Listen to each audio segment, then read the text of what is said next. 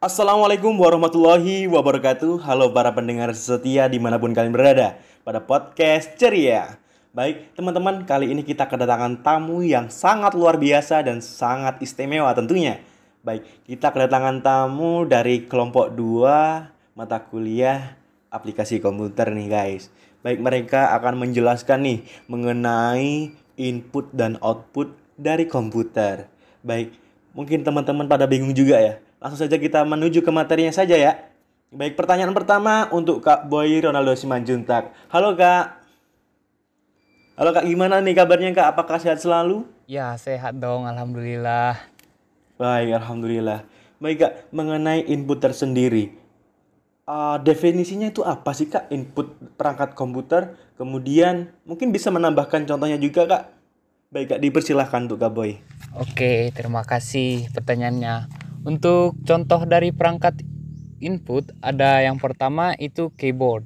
Keyboard itu eh, perangkat komputer yang cara penggunaannya itu ditekan atau disentuh untuk memasukkan data maupun instruksi.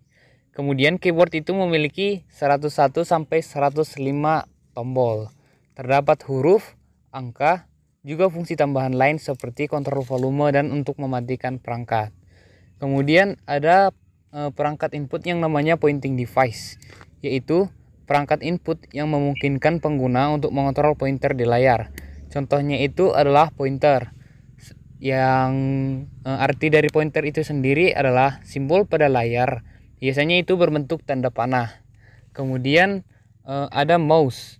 Mouse adalah perangkat yang digunakan untuk mengontrol pointer. Ada dua jenis mouse saat ini yang digunakan oleh masyarakat. Yang pertama yaitu weird mouse kemudian wireless mouse. Kemudian untuk perangkat input lainnya uh, ada juga yang namanya trackball, kemudian touchpad dan juga pointing stick. Nah, untuk saya saat ini itu yang saya ketahui. Mungkin ada tambahan sedikit dari teman saya. Saya ucapkan terima kasih Mas Ren. Wow, penjelasannya sangat keren sekali ya. Jadi ada beberapa perangkat yang mungkin selama ini kita gunakan seperti keyboard, kemudian mouse dan lainnya itu ternyata termasuk di perangkat input sebuah komputer ya kak. Baik kak, uh, mungkin dari contoh tadi ada yang perlu ditambahkan dari kak Bara? Oke Mas Edi, biar saya menambahkan dari pernyataan Mas Boy tentang input tadi. Tidak hanya yang dijelaskan oleh Mas Boy aja, jadi input juga meliputi touchscreens, yang dalam bahasa Indonesia itu artinya adalah layar sentuh ini mengandalkan sensor sentuhan gitu kayak sentuhan jari ataupun sentuhan pena gitu sentuhan pena digital. Dan untuk e, berikutnya sendiri ada touch sensitive patch di mana touch sensitive patch ini berbeda dengan layar sentuh atau touch screen. Ini lebih mengarah kepada e, bentuknya itu seperti roda ataupun bantalan gitu untuk touchpadnya ini sendiri. Seperti touchpad pada e, laptop. Nah, ini uh, biasanya digunakan pada Walkman atau MP3 player atau MP4 player. Atau bahkan ya seperti di laptop kita ini yaitu touchpad. Untuk berikutnya ada pen input atau yang kerap kita kenal sebagai pena digital itu digunakan uh, untuk mengusap uh, dan untuk menulis serta menggambar di touchscreen atau di layar uh, bahkan di touchpad gitu. Nah, contoh dari alatnya sendiri yaitu adalah stylus. Tidak hanya pada komputer saja nih untuk input itu jadi di smartphone juga bisa kita lakukan sebuah input. Nah, untuk alat-alat inputnya sendiri itu ada stylus pen, kemudian ada uh, headphone dan mikrofon eksternal. Setelah itu ada uh, bahkan ya uh, smartphone ini bisa kita gunakan wireless keyboard.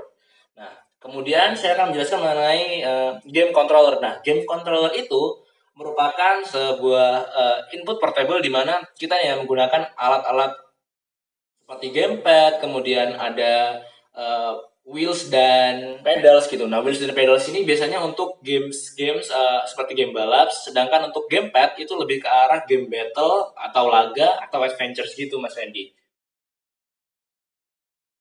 Berarti uh, selain dari input perangkat di komputer, juga ada perangkat input yang untuk Android juga ya, Kak ya? Iya, ada juga Mas Randy.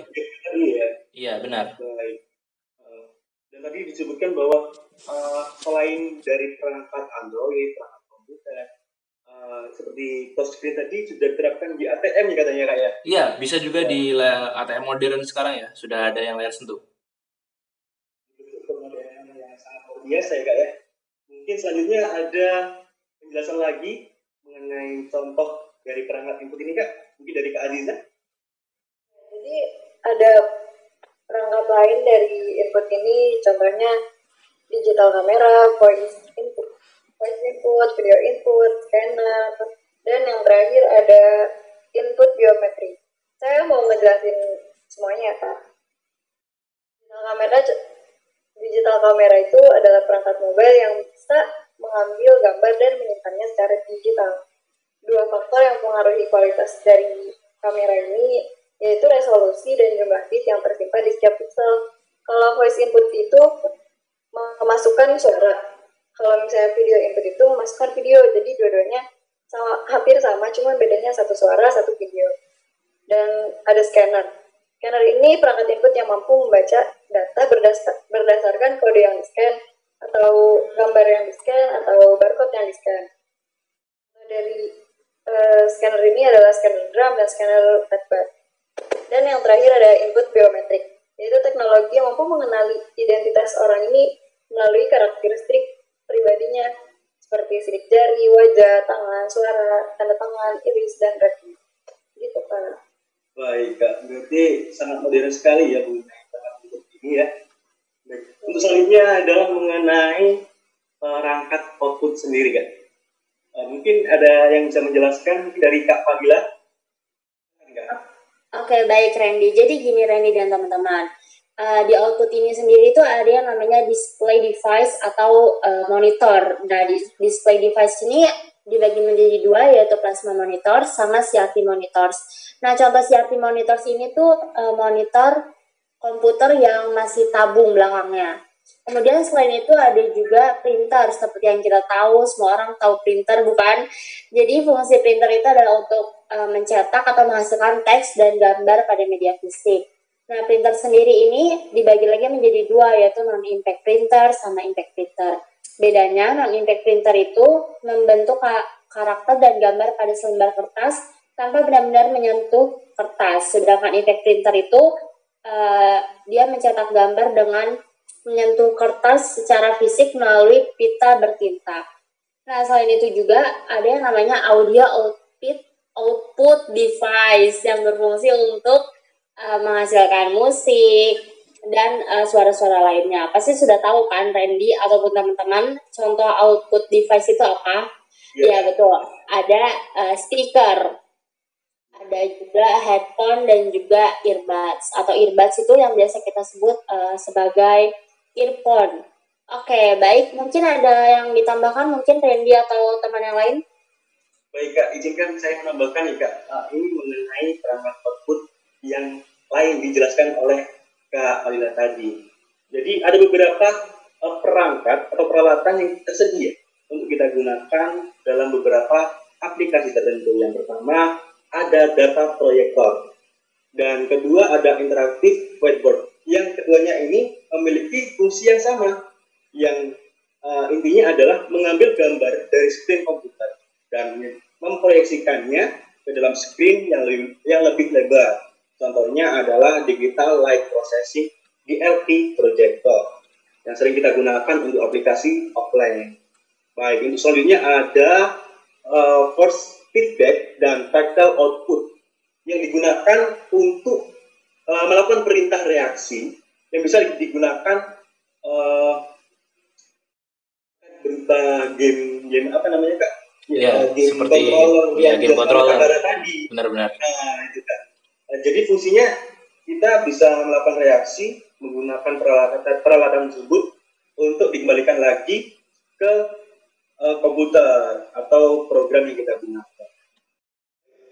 Uh, materi untuk input dan output mungkin bisa kita sudah sampai di sini.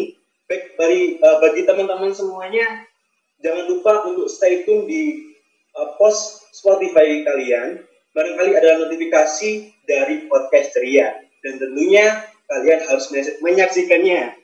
Baik, terima kasih atas perhatiannya. Sampai jumpa di podcast-podcast selanjutnya. Salam podcast ceria.